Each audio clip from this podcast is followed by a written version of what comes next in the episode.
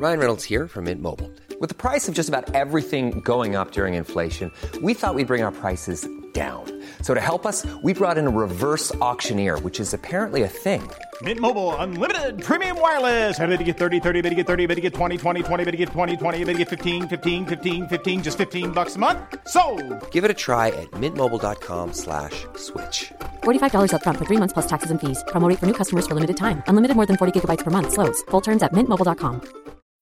When you need mealtime inspiration, it's worth shopping Kroger, where you'll find over 30,000 mouthwatering choices that excite your inner foodie. And no matter what tasty choice you make, you'll enjoy our everyday low prices, plus extra ways to save, like digital coupons worth over $600 each week. You can also save up to $1 off per gallon at the pump with fuel points. More savings and more inspiring flavors make shopping Kroger worth it every time. Kroger, fresh for everyone. Fuel restrictions apply.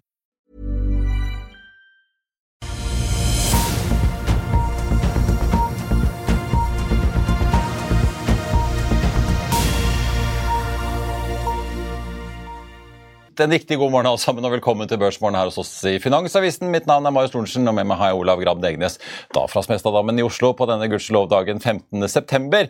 Equinor-bygget på Fornebu ble reddet fra mislighold i siste sekund. Streikedrama i Detroit har vi også fått. Børsnoteringen av ARM gikk som en kule på Nasdaq i går.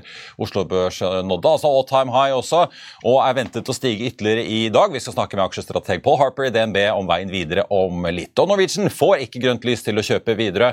Det kom det altså melding om fra Konkurransetilsynet nå på morgenen, så hva skjer nå? Konkurransetilsynet er med oss på linje fra Bergen litt senere i sendingen. Oslo Børs er som jeg nevnte ventet opp nye 0,6 fra start i dag. Skal vi tro DNB og Nordnetts prognoser endte opp 1,9% i går til det nye rekordtallet 1297,2 poeng.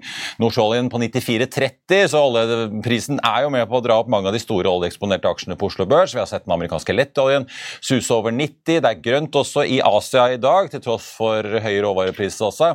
Det kan nok skyldes at makrotall fra Kina viser at forbruket og industriproduksjonen bedrer seg noe.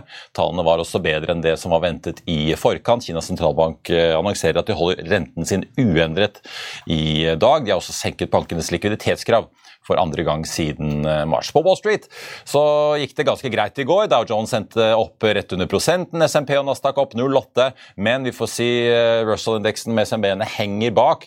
Så er det jo da den store børsnoteringen ARM som alle gikk og ventet på hvordan skulle gå, den virkelig store prøveballongen for børsnoteringsmarkedet. Den britiske brikkeprodusenten gikk på Nasdaq altså, spratt opp 10% med en gang til 56 dollar og 10 cent, endte opp 24,7% til 63,5 milliarder dollar i mark markedsverdi. Det er altså 10 milliarder dollar opp på en dag. Og så tar vi oss i går at Dolphin Drilling fikk en pen dag, opp litt over 8% etter at det ble klart at de vant frem i en budrunde om en riggkontrakt i India, som det nå skal forhandles detaljer om. Og så bytter tekstselskapet Canopy Holdings navn, får vi si igjen. De leverer jo teknologiske løsninger til skianlegg og var jo kjent som Skitude. Aeronex Growth-selskapet vil nå bytte navn til Spotlio.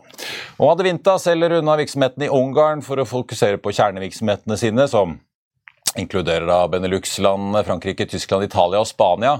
Og Ungarn, som Adevinta påpeker selv, er den siste virksomheten som var under strategisk eh, vurdering. Da skal jeg ta med Olav og si god morgen, Olav, fordi det er eh, drama på alle fronter i dag. Vi skal komme til fly og Norwegian, men vi må begynne litt med eiendom. Dette ML33-bygget, som uh, ikke jeg er, selv om det er mine initialer på selskapsnavnet mange store investorer har vært under press, mm. eh, som da eier dette Equinor-bygget ute, hvite bygget på Fornebu. Reddet i ja. sekund? Ja, nå er de vel i utgangspunktet det. Nå fikk de jo dratt på plass en uh, nødplanke seint i går. Fristen ja. gikk ut i går. Så er det jo verdt å merke seg at uh, som sikkert noen observante så da i børsmeldingen, så er det jo skrevet der at de som gikk inn, den eller de som gikk inn og, og, og putter på plass de 100 millionene nå, Uh, det et nytt lån på 475 millioner. Stemmer, stemmer. Uh, som både da refinansier eksisterende på 360 og gir dem nesten 100 som skal gå til sikkerhet for et annet lån. Sånn var det. sånn er det. Det er en fin pakke her. Ja. ja. I hvert fall de som, Den eller de som har gått inn og kommet med de pengene. Det står jo der svart på hvitt at vedkommende har ikke brukt tid på noe særlig due diligence. Det betyr jo at vedkommende har jo enten sittet i juniorlånet fra før, eller uh, vært kobla på i en lengre periode. eller kanskje... Kjedebygg. For eksempel. Eller er såpass rutinert med eiendom at man vet hva man går til? kanskje. Nettopp. nettopp. Så da er spørsmålet hvem det er. Eh, det verserer jo rykter på noen eh, navn, noen store, kjente navn. Eh, I tillegg så er det jo ikke usannsynlig at det kan ligge noen pensjonsmidler i Nei, for det er jo På aksjonærsiden til selskapet så er det jo nesten en sånn regelrett hus-hu eh, i, norsk, i det norske investormiljøet. Trond Moen har jo vært inne. Nå er vel Ole Andreas Halvorsen, Bjørn Dæhlie blant navnene som har investert og risikerer å tappe store penger hvis dette selskapet misligholder gjelden og mm. gjelden blir konvertert. Absolutt. Så spørsmålet er jo hva som skjer da. Det er jo også et sett med preferanseaksjer her. ikke sant, har fått, uh, fått betalt noen renter. Spørsmålet er hva skjer nå med de som sitter på preferanseaksjene. Ja. Det er, eh, det er ikke, jeg tror ikke alt er løst opp. Sagaen er ikke over, men vi snakker jo om det fordi det er et veldig sånn symbol, symboltungt eh, bygg. Absolutt. Ikke bare fysisk ut på Fornebu, men også for mange av de single purpose-prosjektselskapene som ble satt sammen da renten var lav og ting var hyggelig eiendom. Absolutt. Som nå sliter. Og så er det jo flere prosjekter. Da. Det er jo Storebrandbygg, og det skal visstnok ligge og ulme ganske mange prosjekter her som, som har en boblete finansiering. Ja. Så det er meglerhusene har en, eh, har en haug, haug, med lån å jobbe med i tida som kommer. Vi vet jo at Arctic eh, Securities var hyret inn for å både sette opp selskapet i sin tid, men også eh, nå forsøke å lande dette her. Så det, gitt tidspunkt når børsmeldingen kom i går, så kan man jo lese ut av den at det var mange som satt på jobb på Arctic i Vika i går sent på kvelden. Jeg tror det, ja. ja. Veldig bra, Olav. Vi skal snakke om eh, Norwegian litt senere. Starter ned 1,2 eh, nå fra start etter meldingen om at Konkurransetilsynet foreløpig ikke gir dem grønt lys hvert fall for oppkjøpet. Oslo Børs starter opp 0,6% akkurat som ventet, og dermed er det 1305 som er det nye rekordnivået som gjelder.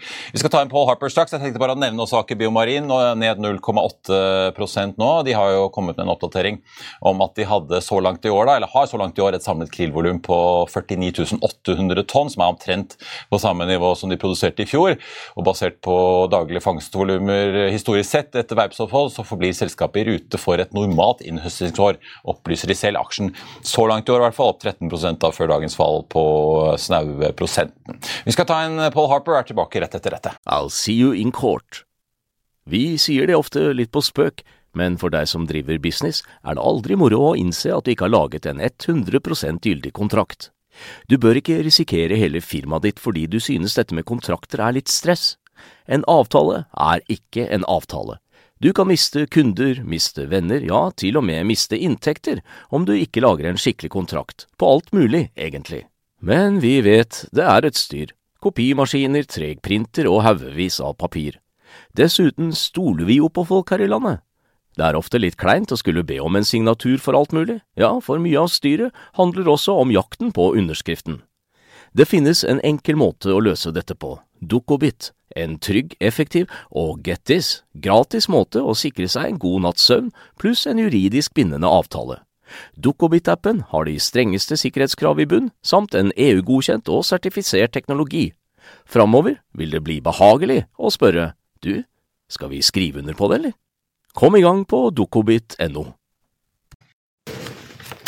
Oslo Børs eh, nådde en ny rekord ved lunsjtider i går, passet på torsdag, og klatret bare videre. Vi endte opp 1,9% Det betød at den nye rekorden altså var 12,97,20 Paul Harper, aksjestrateg i DNB. Men nå ser jeg nå er vi oppe i 13,06, og det går bare oppover.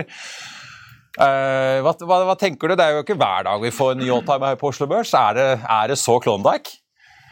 Ja, altså, Det er jo en stund siden vi sist hadde en, eh, en all time high. så jeg eh, kan si at eh, Det med at den ARM-IPO-en har gått bra, bidrar positivt til sentiment. Men det er jo spesielt oljeprisen som er den store forklaringsfaktoren her. At vi har gått fra lavt på 70-tallet nå til opp i 94 dollar siden ja, slutten av juni.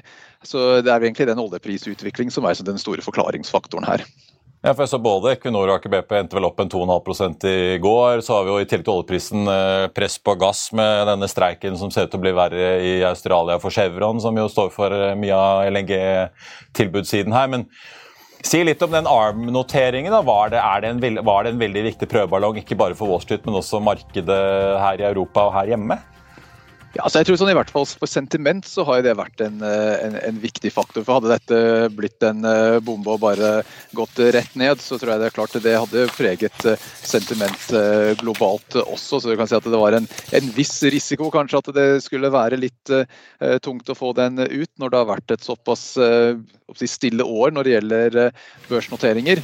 Um, men også noe som er viktig å liksom, få med seg når du tenker på all time high på Oslo Børs, er at hvis du ser på Oslo Børs i dollar, og det er sånn at eh, oppimot to tredjedeler av Oslo Børs er jo egentlig dollarvirksomhet. Når du summerer opp energi, shipping, eh, råvarer osv., så, videre, så er fortsatt 18% under eh, all time high. Så det er egentlig kronen som har gjort veldig mye av denne jobben til at vi har klart å få ny toppnotering. Så det er sånn viktig å huske det også, at den effekten av svak krone bidrar positivt på kroneverdien av de selskapene.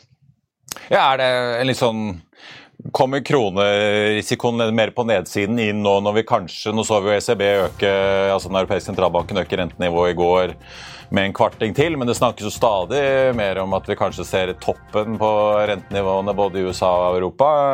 Kommer da nedsiderisikoen litt frem på at kronen kanskje begynner å snu, hvis differansene mellom Norge og andre regioner eh, i hvert fall ikke blir større, da, men kanskje avtar litt? Det er i hvert fall mulig. Jeg syns det er alltid vanskelig å egentlig mene så voldsomt mye om kronene. Kursene Jeg skal ikke prøve å være noen sånn valutaanalytiker. De, som driver på med dette her eh, nærmest døgnet rundt, syns det er vanskelig nok. Så jeg syns det stort sett er best å prøve å unngå å prøve å spå så voldsomt mye om eh, kroneutviklingen. Men det er klart det er noe som betyr eh, en god del. Og det blir sånn at hvis nå etter en lengre periode med svak krone, så er kanskje sannsynligheten for at det ikke svekker seg i samme tempo, i hvert fall. Mer eh, noe man må kanskje begynne å legge til grunn, og begynner å styrke seg igjen, så, så er det klart det er jo noe som da kommer til å ha en, en noe negativ effekt for eh, alle de dollarselskapene på Oslo Børs. Si, eh, si, litt om uh, Hvis vi da når denne rentetoppen nå, hva, hva, slags modus går aksjemarkedet inn i da, da? Fordi at i, i, teorien skulle jo stadig økende renter og at interessen for rentepapirer går opp, kanskje tilsi at aksjen, interessen for aksjer gikk litt ned, men uh, hva skjer nå, da? Altså, det er jo et veldig godt poeng. for sånn Rent teoretisk så burde jo egentlig børsutviklinga vært en del svakere. for du kan se at det er, egentlig to ting som er viktig for uh, børsutvikling fra et sånn fundamentalt perspektiv. Det ene er jo inntjening, og det andre er uh, utvikling i renter, eller hvor mye du er villig til å betale for en krone med, med inntjening. Og Utvikling i konsensusestimater har jo egentlig gått uh, jevnt nedover over en lengre periode nå. Mye av det har jo vært nedjustering i oljeprisen, så det kan godt hende at det, det verste av det er bak oss. Men vi har hatt en vesentlig vesentlig endring i renter. Og, Det som egentlig er mest viktig for aksjemarkedet, da, det er ikke den eh, renten, det er den realrenten eller tipsrenten som uh, handles. Og Den har gått fra minus 1 til pluss 2 nå i løpet av de siste 18 månedene. Så det burde jo egentlig ha satt en virkelig nedjustering i uh, multiplene, men det har vi egentlig ikke sett i, i noe særlig grad, uh, i hvert fall enda. Så kan si at Når børsen internasjonalt har gått kanskje litt, litt mer sidelengs, hvis vi ser på disse over sånn 12-18 måneder, så har den allikevel blitt en del dyrere med at du da har hatt eh, økning i renter og eh, samtidig noe fall i, i estimater. Så Sånn sett så kan du si at det er litt, litt, rart egentlig at eh, børsen har taklet det såpass bra. Men prising alene er jo aldri noe sånn type timingindikator. Det forteller deg noe om risk reward fremover, men du trenger en eller annen trigger um, til å eventuelt få prisingen mer i, i balanse. Så det er fullt mulig at dyrt kan bli enda dyrere. Men det er liksom det risikofaktoren som ligger litt i bakgrunnen her. At vi tåler egentlig ikke noen negative overraskelser eh, når du egentlig har tatt ut veldig mye av den prisingsbufferen som man eventuelt kan eh, argumentere at eh, lå der til å begynne med. Hva sier kundene deres? Også, du kan jo sitte og se på flowen på meglerdesken. Sitter kundene deres, Begynner de å få litt høydeskrekk? Begynner de å trekke pengene litt ut av aksjer, eller hvordan er, hvordan er de flowen på, på desken hos dere? Ja, Det har kanskje tatt seg opp litt eh, nå i de siste ukene, men generelt sett så er mitt inntrykk at de, de fleste institusjonsinvestorene på, på, Oslo Børs har vært sånn nøytrale til litt negative egentlig de siste to-tre årene. Det, det er, mm. jeg tror ikke det er noen som har vært noe sånn uh, veldig fremoverlent i løpet av den, uh, den, perioden. Så Det er kanskje også en forklaring da, at uh, hvis de fleste er relativt forsiktige i posisjoneringen til å begynne med, når det da kommer litt negative faktorer med at inntjeningen faller litt og, og renter eh, trekker litt opp, så har de allerede egentlig solgt eh, mye av det de hadde tenkt å, å selge. Så det er ikke liksom noe, mer å selge. Så det er alltid den endringen som er uh, viktig å få med seg. Og til den grad det er en endring nå, så er det kanskje da litt mer på den positive siden i forhold til sentiment, som er kanskje litt illustrert av den ARM-IPO-en. Og så det at oljeprisen har kommet såpass mye opp nå den, den mm. siste perioden. Så kan vi si På oljeprisen nå, så begynner jo den risikoen Vi har egentlig vært positive til oljeprisen eh, lenge, men eh, vi har et anslag på 92 dollar for Q4, så nå vil jeg si at den oljeprisrisikoen er litt mer symmetrisk nå enn det har vært tidligere. Um, og det var en RSI da, som måler om det er overkjøpt eller ikke. Det er oppe i 78 nå. Så det mm. hadde ikke vært veldig, veldig overraskende om oljeprisen kanskje får en liten konsolideringsperiode om ikke altfor lenge. Men jeg tenker sånn i forhold til den momentumen så vil jeg nesten være overrasket om den ikke prøver å teste 100 dollar i løpet av høsten på et eller annet tidspunkt. Ikke sant. Ja. Litt oppfølging der, for Du, nevner ikke sant, oljeprisen 95. Oljeselskapene drar av gårde og kjører eh, indeksene til all time high. Greit nok. Men det må jo sitte noen selskaper her også som sliter med høye oljepriser. Også flyselskaper, naturligvis. Men hvilke andre sektorer er det som har trøbbel med disse galopperende oljeprisene? Ja, altså På, på Oslo Børs så, så, slår det ikke kanskje så mye, fordi at du har eh, nettopp så stor vekt i energi og oil service eh, og sånne type selskap. Så det vil sånn typisk at det ville være mer sånn konsumrelatert selskap, hvor husholdninger da må bruke en større andel av budsjettet på eh, drivstoff og bensin og, og, sånne type ting, enn mm. Eh, på eventuelt eh, eh, litt sånn unødvendige duppeditter og, og, den slags. Som, så, så vil jeg kanskje trekke frem om du skulle få noe enkeltnavn, da, sånn VXXL ville være er et selskap hvor det er ikke noe, er ikke noe positivt at uh, folk må bruke mer penger til å fylle opp uh, bilen. Men ja, om det egentlig er så viktig, det er litt, litt, vanskelig å si. det. Så det slår ikke så mye på Oslo Børs. Hvis oljeprisen eh, stiger, så slår jo det på inflasjon etter hvert. Eh, det blir jo ekskludert i den core inflation, men eh, det stiger også inn i core inflation med da billettpriser på fly bl.a., men også egentlig alt som skal fraktes med lastebil f.eks., så koster jo det mer, så du merker det i matvarepriser etter hvert. Så kommer oljeprisen videre opp herfra, så gjør det vanskeligere for sentralbanken å kutte renter, i hvert fall, selv om rentene kanskje topper ut nå snart, om de ikke har gjort det allerede, så legger markedet inn med en forventning at rentene skal, skal kuttes flere ganger til neste år. Det kan godt hende at det kanskje blir en skuffelse der. Men eh, Paul, jeg, jeg, vet jo Dere har jo energi som favorittsektor eh, fortsatt eh, på Oslo Børs. Men litt apropos det Olav spør om, er, det noen, er det noen sektorer eller enkeltselskaper som dere tenker at her må man passe seg nå? Altså jeg synes sånn Generelt sett, med unntak av energi, så er det egentlig det, det meste er ikke noe spesielt billig akkurat uh, nå. Um, og det er fremdeles uh, sånn at uh, jeg syns det virker som at mange er kanskje litt for optimistiske når det gjelder renter. At de tenker rentene har kommet opp nå, og så har det vært en litt sånn overshoot, og så kommer rentene forholdsvis fort ned igjen. Jeg mistenker at rentene er, har egentlig en litt sånn flatere profil her. Så En ting som eh, er greit å tenke litt eh, på her, er at det er en viss sånn disconnect eh, synes jeg, mellom det som ligger i analytikerestimatene og det som er priset inn i rentemarkedet. For Hvis vi ser på den Fed Funds Futures-kurven, så mener det at Fed Funds-renten skal bunne ut på rundt 4 om, om et par år. Men bunner det ut der, så sier de at det, da, ja, det blir en sånn myk landing og ting går sånn relativt OK. Men i en normal tilstand da skal jo tiårsrenten være høyere enn Fed Funds-renten. Normalt sett så har det en stigende rentekurve. Så hvis Fed Funds bunner på 4 og tiårsrenten nå er 4,3 da sier du egentlig at det er ikke noe nedside i den uh, tiårsrenten. Den skal om, om, noe eventuelt litt opp hvis det blir en myk landing eller at det egentlig unngår uh, resesjon. Så Der tror jeg at det, det, er mange som egentlig antar at rentene kommer ned, mens jeg mener at grunnlaget for det er egentlig um, ganske svakt hvis du tror det går bra med økonomien. For at rentene skal komme ned herfra, så må du egentlig tro på resesjon. Så jeg tror liksom en del sånne ting innenfor eiendom fortsatt er litt, uh, litt skummelt. At jeg tror ikke de rentene kommer ned like fort som, som mange antar. Det slår jo også noe negativt da i tech-prising. at Hvis rentene holder seg høyt, så blir IT så får ikke det liksom drahjelp fra at rentene kommer ned.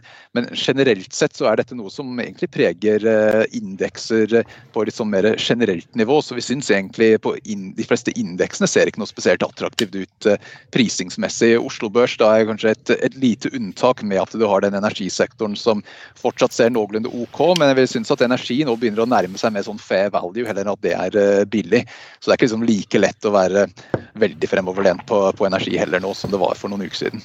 Nei, for Det har jo vært snakket om at en del av oljeselskapene prises som om oljeprisen er eh, 10-20 dollar under dagens nivå her.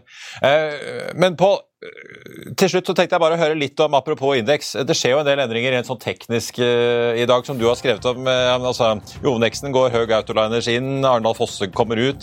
På OBX så er det jo gjensidige Høg Auto da, og Norwegian kommer inn. Og ut går Kahoot, MPC og REC Silicon. Rent sånn, Hva kan vi vente Og så Er det mange som må gjøre på posisjonene sine av store fond og sånn i dag, eller? Altså, vi må egentlig liksom dele det opp litt i to her, med at du har de indeksfondene. De, de, skal jo helst egentlig være så lik indeks som mulig. så de prøver å gjøre mest mulig av den eh, endringen eh, nå på, i sluttauksjonen i dag. Så vi kommer til å se mye større volumer enn vanlig eh, i sluttauksjonen.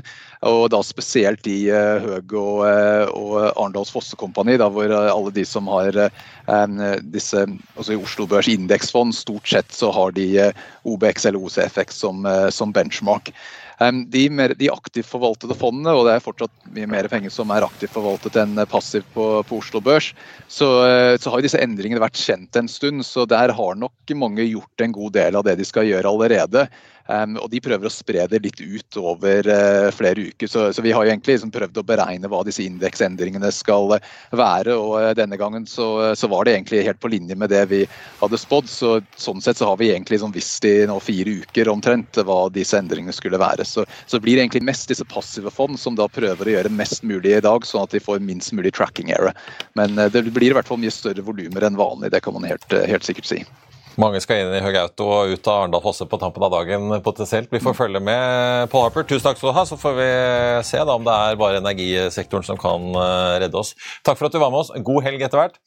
Vi, eh, før vi skal ta inn konkurransesynet, så tenkte jeg bare å nevne at hvis du er eh, skikkelig interessert i aksjer, så skjer det ting her på huset. I dag blir det nemlig lansering. Bare se her. Før vi tar noen flere nyheter, skal vi få høre at Finansavisen nå skal starte en helt ny podkast. Og vi har fått med oss programleder Karsten Andenes i Finansavisen. Og Karsten, du må fortelle oss eh, litt mer om hva den podkasten skal handle om. Ja, jeg kan jo starte med navnet. Det blir uh, Aksjepodden, og den får en, får en egen feed. Så, som du skjønner, så var vi, vi var veldig kreative med navnevalget der. Uh, den, skal det handle om aksjer, da? det blir ganske rendyrket fokus, fokus om markedet, aksjer og gjerne konkret investeringscase. ja. Mm. Eh, og første, første, episoden er jo i hvelvet og blir sluppet eh, det blir vel i natt. da, så For de fleste så er den tilgjengelig i morgen. Morgen tidlig. I morgen tidlig. Vi skal ikke snakke om eh, oljeprisen, men jeg vet at du er ganske interessert i en annen råvare? Ja, jeg noterte meg det når du satt og snakket om oljeprisen i stad. så er det jo, Dette er jo sånn eksempel på den, den slags aksjenerding vi skal ha i podkasten vår. Da. Det er jo et sånt marked som jeg følger med på, det er uran. og egentlig hele kjernekraftsektoren. Men der, der tikker prisene stadig oppover. Det er et jeg ser I formarkedet i dag så er uranprisen oppe i høyeste nivå på ja, siden Fukushima-ulykken, kan du si. Okay. Så det har vært, uh, det har vært, en lang, fin ferd oppover de siste, siste, månedene. Får vi høre mer om det i aksjepodden i morgen, kanskje? Absolutt. absolutt. Jeg kan jo si Det at uh, det er jo Thomas Nilsen som er med uh, i den første episoden. Han, han, er ganske kjent for de fleste. Og han, han må jo også kunne kalles en aksjenerd. Mm. Kan du røpe litt mer av hva som kommer i episode to? Eller ja. har du kanskje ikke bestemt ennå? Jo, det er booka og linet opp. Det, det blir Christian Falnes som eh, kommer susende rett ned fra Pareto-konferansen og inn i studiet vårt eh, neste torsdag. Er det hver dag, eller er det to-tre ganger i uka? eller? Vi nøyer oss med én gang i uken. Eh, til å begynne. Da har vi fått med oss uh, Konkurransetilsynet fra Bergen, for Norwegian er jo ned halvannen prosent i dag etter nyheten om at det altså ikke blir noe grønt lys med det første for oppkjøpet av Widerøe til en og en kvart milliard uh, kroner. Gjermund Nes, avdelingsdirektør i Konkurransetilsynet, er med oss nå. God morgen, takk for at du er med oss, uh, Gjermund. Kanskje vi skal gå rett på det, da. Hvorfor holde Fordi det er, ikke, det er ikke et blankt nei nå. Dere sier bare at dere gir ikke grønt lys foreløpig. Ja, Det er helt riktig. Dette er en foreløpig vurdering. og Den, den skyldes at eh, konkurranseloven den sier at Konkurransetilsynet i sånne saker har en frist etter 25 dager, eh, som da i dag i denne saken er, på å gjøre en foreløpig vurdering. Og Det betyr at i dag så måtte vi enten si ja til oppkjøpet, eller så måtte vi da varsle at vi trenger å bruke mer tid på dette og gå dypere inn i vurderingene. Og Det er det, det siste som har skjedd, at nå vil vi fortsette vår vurdering av dette oppkjøpet. Eh, si litt om det for de som prøver å tolke dere her. Det, har det dukket opp ting Dere har jo, vil jeg tro, satt, eh, satt, i gang litt av en analyse av både rutenettverk og posisjonen til Norwegian Widerøe, videre, konkurrentene som opererer på disse flyplassene som er viktige for dem. Er dette å tolke som at dere ser ting her som kan helle mot at dere kommer til å si nei, eller er det bare at arbeidet er så omfattende at dere ikke kan komme med en konklusjon i dag? Nei, altså dette er jo en, uh, dette er et stort uh, marked. Det er viktig for norske forbrukere. Og så er det et oppkjøp som uh, involverer to av de største aktørene i markedet. Det er jo ikke så mange aktører i det norske luftfartsmarkedet. Så, så det i seg selv gjør jo at Konkurransetilsynet må vurdere dette veldig grundig for å være trygg på at ikke det skader konkurransen og går utover forbrukerne og fører til f.eks. høyere billettpriser eller dårligere rutetilbud.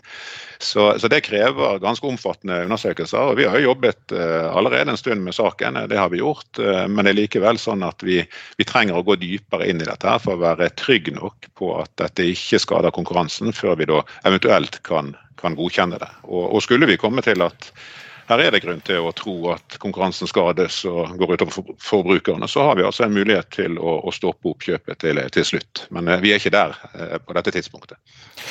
Hva kan du si om liksom strukturen her? Eh, dette selskapet Widerøe har jo vært eid av den andre store aktøren i norsk luftfart før SAS, som jo solgte de ut. Og de har vært ute og eid av andre aktører i noen år. Widerøe er jo veldig store på disse anbudsrutene hvor Norwegian ikke opererer. SAS opererer ikke der. Der konkurrerer de jo med helt andre typer aktører. Den eneste store overlappen i hvert fall jeg kan se etter å ha fulgt med på luftfart i noen år, er vel kanskje noen enkeltruter ut fra Oslo til nøds. Og så er det jo mye på Flesland, kanskje, da, hvor de kan konkurrere kanskje til London eller til eh, andre større norske byer.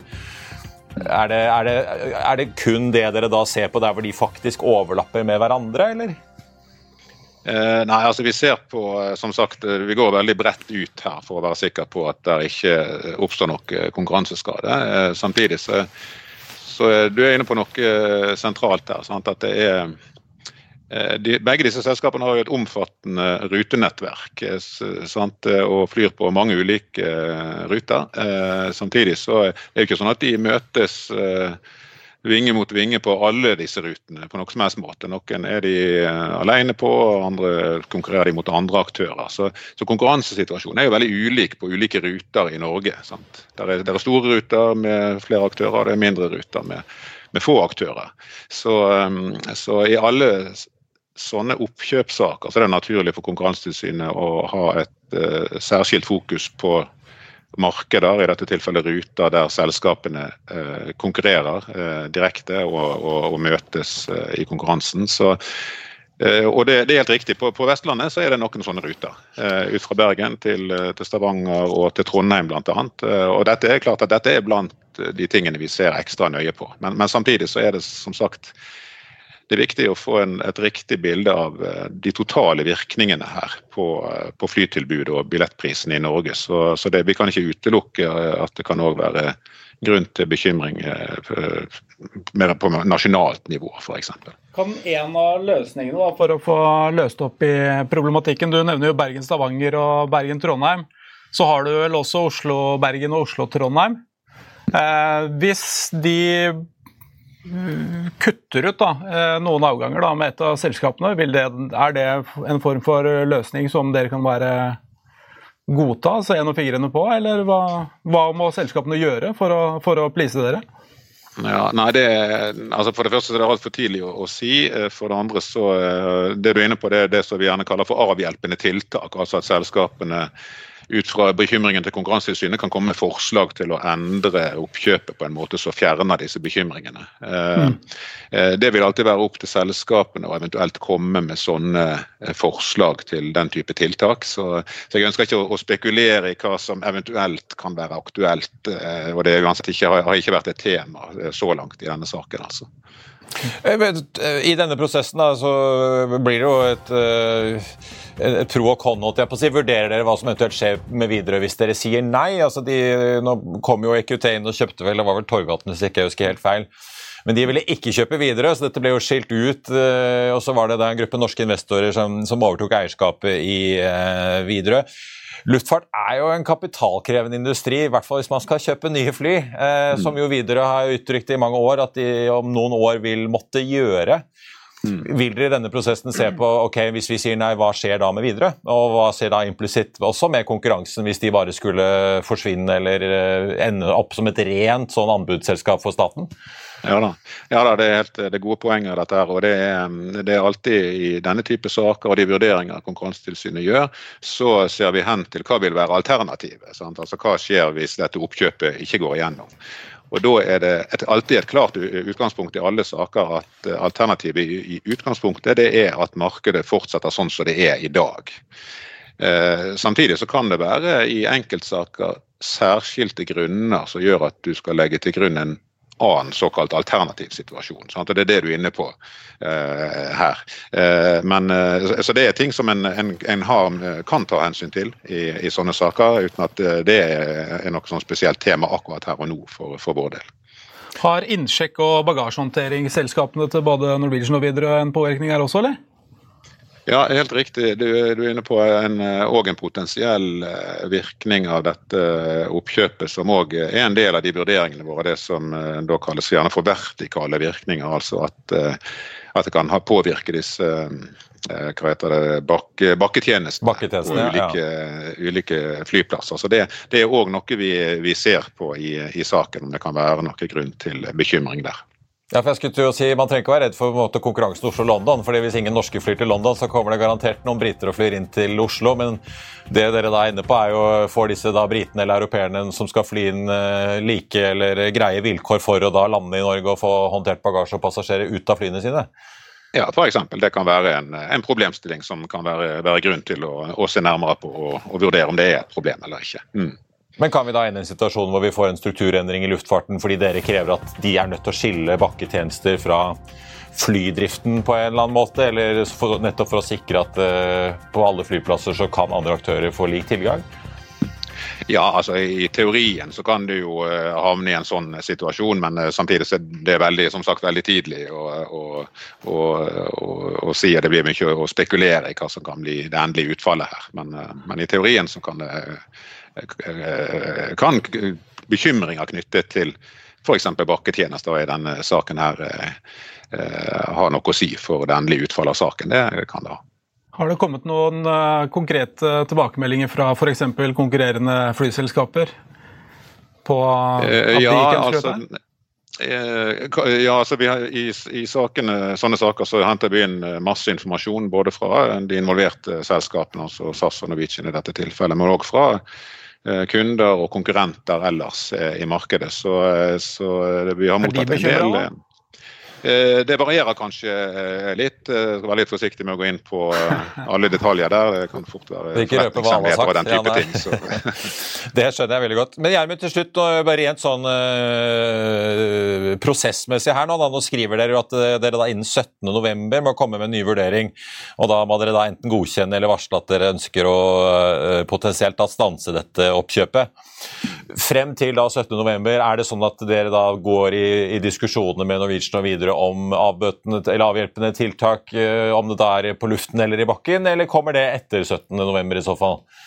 Eh, det, det, den type diskusjoner det kan eh, i prinsippet komme hvor tid som helst i saken. Og, men igjen så er det, det er opp til selskapene da, å, å, bringe et sånt tema på banen eventuelt. Så, Så det vi vil gjøre nå, er jo da å fortsette de analysene som vi allerede er godt i gang med. Eh, vi har en veldig god dialog med selskapene her. Det er, dette er krevende prosesser òg for selskapene, som skal sende inn eh, ganske store mengder informasjon til Konkurransetilsynet, som vi skal gjennomgå og, og vurdere. Så dette arbeidet vil nå fortsette, og jeg er sikker på at vi kommer til å ha en god, god dialog med selskapene òg fremover. og Eh, skal klare å finne, finne en riktig konklusjon på, på denne saken eh, til slutt. Men Finnes det andre alternativer da, enn avhjelpende tiltak for å få godkjent eh, dealen for, for Norwegian og videre? Nei, det gjør det ikke. Det er, I alle sånne Hæ? saker så er det, det er tre mulige utfall. Sant? Det ene er at Konkurransetilsynet stopper det. Det andre er at mm. vi godkjenner det som det er. Og det tredje er mm. at disse avhjelpende tiltakene da eventuelt at det kan endre transaksjonen på en måte som gjør at det er mulig å godkjenne. Så det er bare de tre mulige utfallene. Ja. Riktig. Ja, Men en ren godkjenning uten noen ting eh, er ikke aktuelt nå, eller er det jo, altså det, det at det vi nå går videre, ja. det utelukker ikke noen av de tre alternativene. Okay. Dette er er liksom en, eh, en milepæl i saksbehandling, en lovbestemt frist eh, som, eh, som sier at Konkurransetilsynet dere må innen 25 dager som er i dag, så må dere si hva dere mener om dette. og Enten godkjenne det, eller så må dere si at vi trenger å bruke mer tid på vurderingene. og Det er det siste vi har gjort. da. Gjermund Næss, avdelingsdirektør i Konkurransetilsynet. Tusen takk for at du tok deg tid til å forklare litt hva som skjer i dette oppkjøpet, som jeg vet veldig mange rundt omkring i det ganske land eh, følger eh, spent eh, med på. Og god helg når den tid kommer. Du, Olav, det er jo en interessant sak dette her. Nå kan det jo dra ut litt i tid, men du dro jo opp disse bakketjenestene. Norwegian har jo på en måte gjen, gjenoppbygget seg på og begynt å operere bakketjenester igjen etter restruktureringen. Widerøe har jo en, et stort selskap som driver med dette her. Ja, visst. SAS har jo konsolidert seg veldig rundt øh, ja, nå husker jeg ikke om de er på flest land, men det er jo stå og si bare de største flyplassene i Skandinavia de har igjen, som de driver? Ja, nei, det er øh, altså disse bakketjenestene er jo jeg tenker vel, det har vel ikke så veldig mye med driften av et flyselskap å gjøre, men samtidig så kan det sikkert ha det, da. Uh, hvilke priser man gir. Men uh, nå har ikke jeg tallet på hvor store Norwegian er sammenligna med f.eks. SAS, da, som sikkert er naturlig å sammenligne med, hvis du legger på Widerøe. Mm. Så det tallet har jeg, det har jeg ikke, så det kan jeg ikke si noe særlig om. altså. Vi får se. Ofte så ser vi av og til at de krever uh, like, altså at partene må forplikte seg til samme vilkår til alle. Hvis vi har sett på Teleselskapene må gi samme vilkår til de mobilselskapene som ikke har eget nett når de leier seg inn. Ikke sant? Vi får se hva som skjer. Du, jeg ser jo Norwegian-aksjen ned 2,2 uh, nå i dag. Én ting er jo denne saken, som sikkert ikke tas sånn veldig godt imot. Nå er vel folk kanskje litt i vent-og-se-modus frem til 17.11. Men en annet er jo oljeprisen. Eh, hvor mye svir den for Norwegian? Nå ser jeg Delta Airlines, Vi snakket jo eh, Karl Johan og jeg på Børsmorgen i går om eh, American Spirit, som var ute og nedjusterte prognosene sine. Nå er Delta Airlines den siste i rekken som nedjusterer sine resultatprognoser for tiden fremover, grunnet både drivstoff og økte vedlikeholdskostnader. Det begynner jo å svi nå, selv om Norwegian og de andre har hedging i varierende grad? da? Ja, da Norwegian har jo, det la jo Geir veldig vekt på på kvartalspresentasjonen. at de hadde hedget. Ja, Konsernsjef Geir Karlsen også, ja. ja unnskyld. For de som ikke henger med? ja. ja. Eh, det var vel omtrent halvparten av fuel ut året, mener jeg å huske. Så det er klart for den halvparten så er de ikke så bekymra.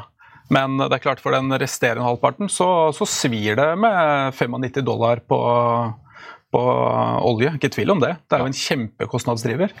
Så kan du legge til da, og det er jo nå vet vi jo ikke sant, at Ryanair nevnte jo at de ville inn på Kastrup og fly derfra. Det skulle de gjøre dersom flyplassavgiftene ikke stiger. Så kommer dansken ut og sier at vi skal øke flyplassavgiftene med vi har det 5, 6, 7, 28 og så har vi i etterkant Avinor også vært ute og sagt at vi skal også øke våre kostnader. De trenger i hvert fall, de får ikke regnestykkene til å gå opp, så enten Nettopp. må staten hoste opp mer, eller flyselskapene betale mer. Ja, det er ikke nok og det er jo, for å si det litt enkelt. Ja. Ikke helt tatt. I hvert fall med tobakkskuttet i kvoten. Ja.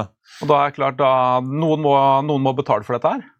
Og det blir jo flypassasjerene. Og det er jo en av grunnene til da, at eh, Norwegian-aksjen handles under ni kroner nå. Mm.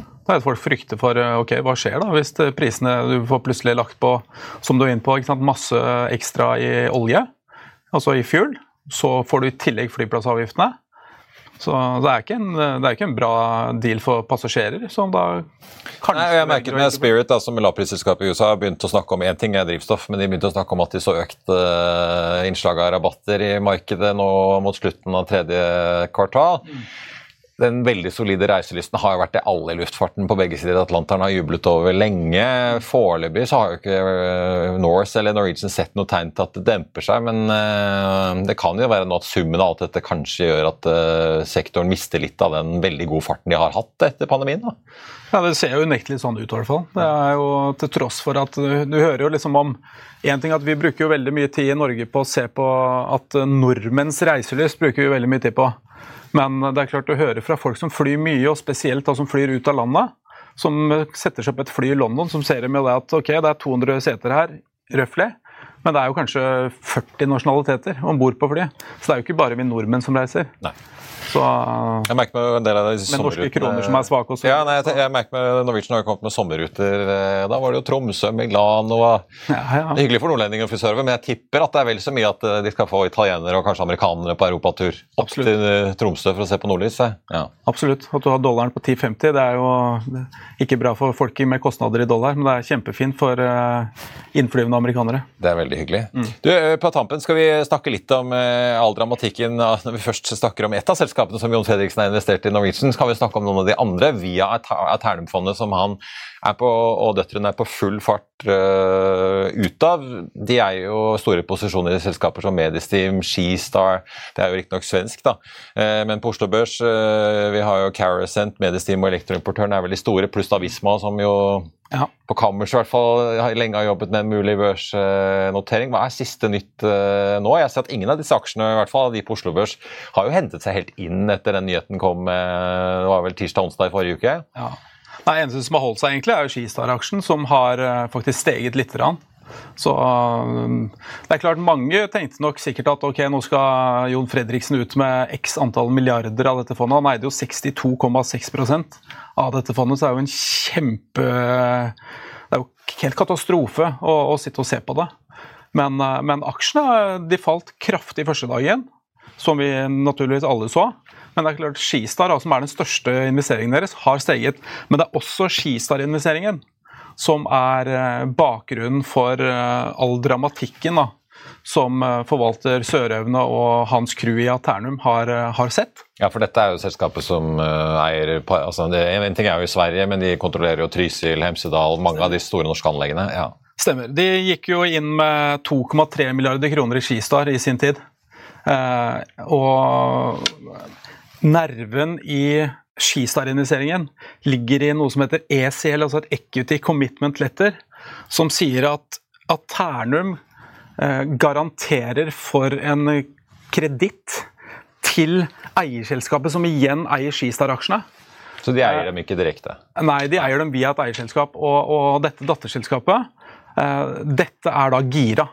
Og i mandatet til Aternum som for øvrig betyr i evigheten, som nok ikke er evigheten allikevel, eh, så står det klokkeklart at det skal ikke gires. For Tanken bak fondet har jo vært at det skal være langsiktige plasseringer i næringer som utenom liksom, tank, olje og gass, som Fredriksen tradisjonelt har vært veldig stor i. Mm. Eh, de har også investert i Norwegian, altså eiendom Norwegian Property. Ja. Men det har jo vært at det skal være i næringer som er evigvarende. Nettopp. Det skulle liksom deles opp i tre bein. Du skulle ha børsnoterte selskaper, du skulle ha uh, unoterte selskaper, og så skulle du liksom ha et bein som på en måte var private equity. Da. Det er jo en, når du går inn i en, en, investering i et unotert selskap, og du har et mål om å kanskje doble, tredoble omsetningen i løpet av en seks, syv, åtteårsperiode, hva vet jeg, så, så, er det ikke så lett å gå ut der da, med halen mellom bena etter halvannet år. Så spørsmålet er nå hva, hva jobber de med? Etter det vi hører, så er det signert Eh, papirer på at de ikke skal prate noe særlig rundt hva som skjer. Så Derfor så er jo informasjonsflyten relativt dårlig her også. Ja. Men at dette er eh, Dette her er ikke er kritisk for Aternum, det som skjer nå. altså. Og Vi har jo sett det med Markets i sine morgenrapporter. snakke, Gitt at de, de eier såpass mange aksjer som de gjør i disse selskapene. Da, så det med Markets har jo påpekt at det er ikke sikkert vi får et fire sale, men at det kanskje kommer andre investorer inn i dette fondet som er interessert i denne type aksjer, eller at de eksisterende investorene i Aternum går inn for å overta posisjonen. Altså at Ternum som helhet ikke er nødt til å dumpe masse aksjer her for å utløse. Fredriksen? Nei, for Det er jo det som er... Det vet vi vel ikke ennå hvordan Nei, det vi gjør ikke det. Seg. Det vi vet er at det første, altså dette her skal deles opp nå i de neste seks kvartalene, dvs. Si det neste halvannet året. Så skal Fredriksen ha tilbake Eh, bits and pieces. Da, han skal ha sin prorate eierandel av alle selskapene ført til seg.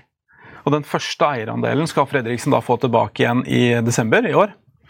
Og så jo, kan det stilles flere spørsmål. Er det ikke mulig å få overført disse eierandelene i løpet av før inn, altså bruke ett og et halvt år? Det burde jo være noen pennestrøk, og så har du fått det tilbake. Så da kan du spekulere i er det fordi Fredriksen ikke vil ha det tilbake. Han satt, var jo med å sette opp Aternum av én grunn, én grunn only, fordi han ville ha en profesjonell forvalter til å forvalte disse papirene på vegne av han sjøl og sine døtre. Uh, og så er uh, For det gikk jo veldig bra år én, veldig dårlig år to, og så hentet det noe inn igjen. Ja, så det har svingt veldig. Ja, ja da, 58 første året. Uh, da gikk det jo kjempebra. 72 millioner i forvaltningshonorarer, tipp topp, masse utbytter og lønn. Året etter 38% ned. Eh, og så har det det siste offentlige tallet som er ute, er jo pluss 17,5 opp. Mm. Um, så det er klart, eh, Ryktene skal også ha det til at og ryktene, dette er jo nære kilder også, skal ha det til at Jon Fredriksen er ikke fornøyd med å tape penger. Og når han har sett såpass store svingninger i tillegg, så har han tatt grep. Og når det er utslagsgivende her, er jo dette, denne investeringen i Skistar. Mm og hvorvidt det er en giring eller ikke. Nå tipper jeg at det sitter haugevis med advokater. At Ernum satte inn en baradvokat, en barpartner, i, som styreformann i sin skute. Så jeg vil vel tippe at uh, fakturaene skal sprettes ganske i går at det kan bli et uh, litt stygt oppgjør. Vær helt, vær helt sikker på det. Uh, ja, han har ikke sittet på sofaen og blitt rik? Absolutt ikke. Takk skal du ha, Olav. God helg når den tid kommer, så får vi følge med også hva som skjer i luftfarten fremover. Ikke minst av disse Alternum-aksjene. På tampen av sendingen tenkte jeg bare å nevne, for de som eh, følger litt med på finans og finansnæringen JP Morgan eh, kom da ifølge en melding fra CNBC i går da, med et nytt skyts mot fintech-selskapene som PayPal og Square. For de slår seg nemlig sammen med et San Francisco-selskap som heter Gusto som skal gjøre at JP Morgan kan levere lønnsprosessering til små og mellomstore bedrifter digitalt. Så store, De store bankene har ikke tenkt å gi seg i kampen eh, om kundene med det første. Og så, Som jeg nevnte på starten av sendingen, så er det jo et streikedrama nå i eh, Detroit og flere amerikanske delstater, ettersom da United Auto Workers Union ikke ble enige med GM Ford og Stellantis om eh, nye lønnsavtaler. GM økte jo da i foregårs sitt tilbud eh, til fagforeningen fra en lønnsøkning over fire år da på 18 og opp til 20% UAW-fagforeningen altså, de krever 40 og ifølge kilder eh, i Ford, som CNBC har snakket med, så vil førsteårsansatte i Ford, med da de nye vilkårene som Ford har tilbudt, tjene 92 000 dollar i året i lønn og få helseforsikring og andre fordeler og goder verdt 17 500 dollar på toppen av det. Altså en startgodtgjørelse på 132 000 dollar. Det er jo ikke verst, i hvert fall sammenlignet med norske forhold, får vi eh, si. På tappen av sendingen så tenkte jeg også bare å nevne noen aksjeanalyser som har kommet siden eh, sist. Da begge har regnet på Athea, Thea nedjusterer kursmålet med tikroning til 1,40 gjentar, eller 140 får jeg si, gjentar Hall-anbefalingen. Den endte i går på 131. Barclays oppgraderer Telenor fra hold til kjøp, Jekker kursmålet opp en 15 kroner til 160. Aksjen endte i går på 115. Vi venter jo da, som vi har snakket om før, på en avklaring om hva Telenor har tenkt å gjøre med Pakistan i løpet av høsten, som konsernsjef Sigve Brekke har lovet, og også nyheter rundt om de faktisk kommer til å børsnotere den asiatiske virksomheten som helhet. Til slutt, eh, ABG har regnet litt på Crayon også, nedjusterer kursmålet der med 13 kroner til 140. Gjenta kjøpsanbefalingen. Den endte i går på 75. Hovedveksten på Oslo Børs nå på 1300 og nesten 6 poeng. 1305,59, opp nå 0,65% Dermed ser alt ut til at vi får nok en ny rekordnotering i dag etter at det ble all time high i går. Nordsjøoljen har krøpet, ligger nå opp på 94,15. Den amerikanske lettoljen også komfortabelt over 90 på 90,67. Så det kommer nok i hvert fall i tiden fremover inntil vi ser noe er særlig prisfall. Det blir veldig god inntjening for eh, oljenæringen, som jo er stor her hjemme.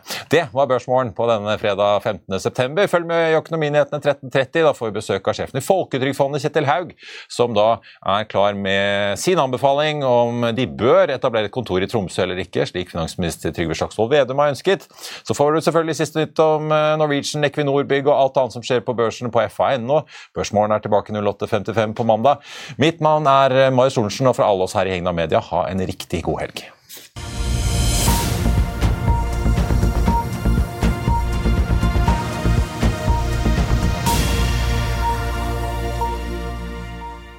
Økonominyhetene er en podkast fra Finansavisen. Programledere er Marius Lorentzen, Stein Ove Haugen og Benedikte Storm Bamvik. Produsenter er Lars Brenden Skram og Bashar Johar.